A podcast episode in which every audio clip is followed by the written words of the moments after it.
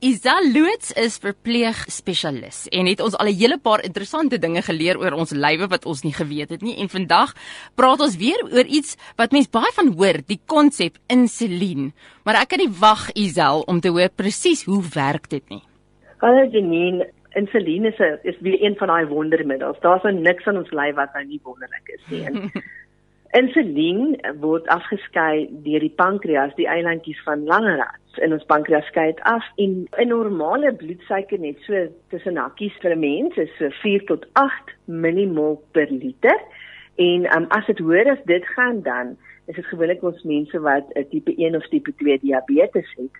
Maar insulien word vrygestel wanneer jy geëet het en die glikose in jou bloed verhoog.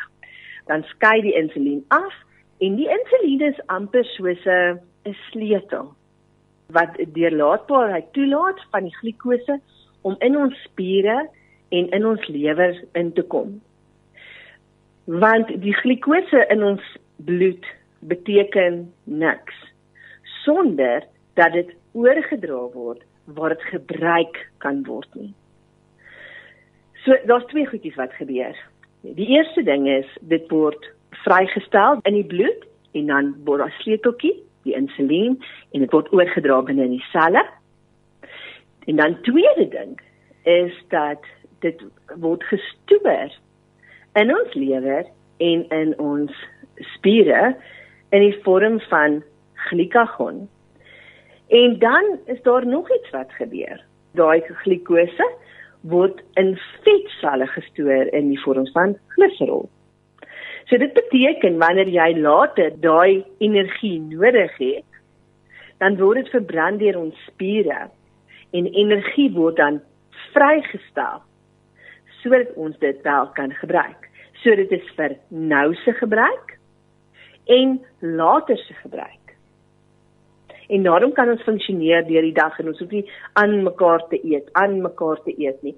Ons eet, suiker verhoog, die sleuteltjie sluit oop daai energie word oorgedra binne in ons selle waar dit gebruik word vir nou dadelik en vir later. Hm. En dit is die funksie van insulien. Is dit amper soos 'n middelman met ander woorde? Hy's die een wat die een se hand vat en die ander een se hand vat en sorg dat die regte goed op die regte plek kom. Dis heeltemal reg.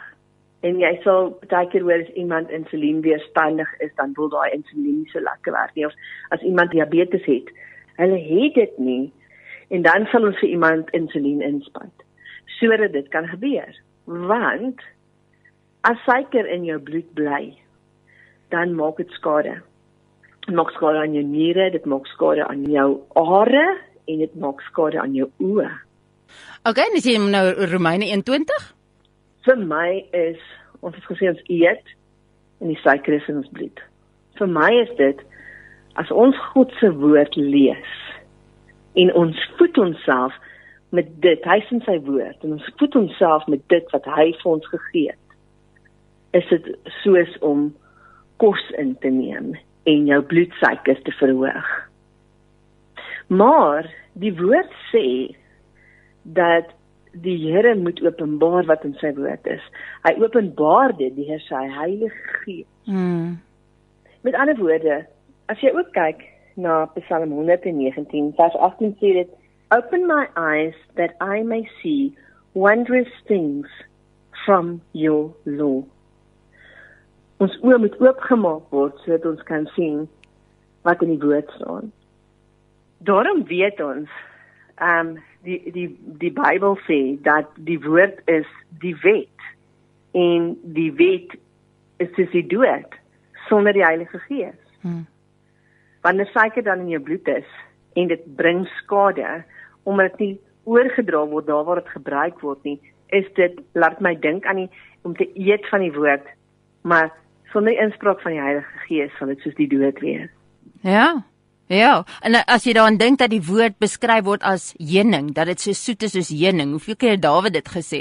Dan pas dit dan presies met jy en jou glikose in die woord soos heuning en dat as jy dit nie Heilige Gees gesleutel het in jou lewe nie, dan pas jy dit nie toe nie, dan word dit nie gebruik nie, dan word dit dan bly dit net swaar lood dood wat jou aftrek en amper net veroordeel.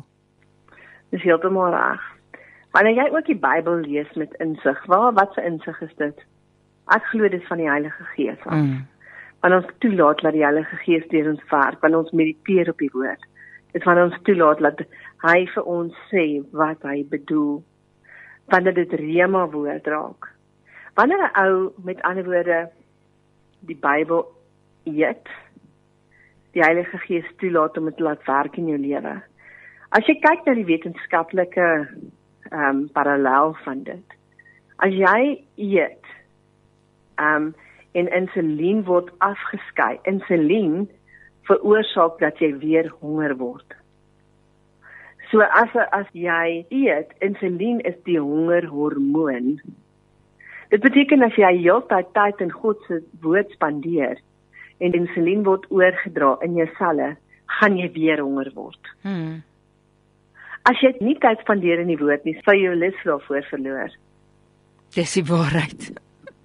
Dis ja. absoluut die waarheid. Kan ek vir jou twee ander invalshoeke ook gee? As jy nou so praat van die insulien as 'n sleutel, as 'n middelman, dan sien ek dit ook as die kerk, 'n middelman tussen die wêreld en God dat as die kerk eh, wat die woord uitleef is wat dit vir die wêreld moontlik maak wat nie self die Bybel lees nie wat geen toegang het tot daai suiker sonder die insulien nie kry nou toegang en dit is amper die insulien interpreteer die woord. Die kerk interpreteer die woord in hulle lewens vir 'n wêreld wat nie weet hoe proe suiker nie, wat nie weet hoe heuning proe nie, die vreugde daarvan het nie dat ons soos die middelman en die sleutel vir dit is. En die ander ene is sien ek ook as as gebed dat die Here ja. weier om te werk sonder dat hy gebed oprig vir een of ander rede het hy uh, die mensdom die mandaat van gebed gegee en ons sien oor en oor Ou en Nuwe Testament hoe die Here eers gebed oprig of as hy iets wil 'n uh, aksie wil uitvoer, selfs sy toren wil uitvoer, hoe hy ja. eers gaan na of Moses of Abraham of wie ook al dit is wat die regverdige op daai stadium is en vir hulle sê dit is wat ek moet doen en dan daai persoon tree in in gebed en draai die Here na aan 'n ander kant toe. Dat dat gebed letterlik lewe en dood beteken en dan die middelman of die sleutel is vir dit wat moet uitgevoer word. So insulien het verskriklik baie toepassing toepassings op 'n geestelike vlak. Dit het. Daar het jy dit insulien, Romeine 1:20 en hoe sê die woord sodat hulle geen verontskuldiging het nie.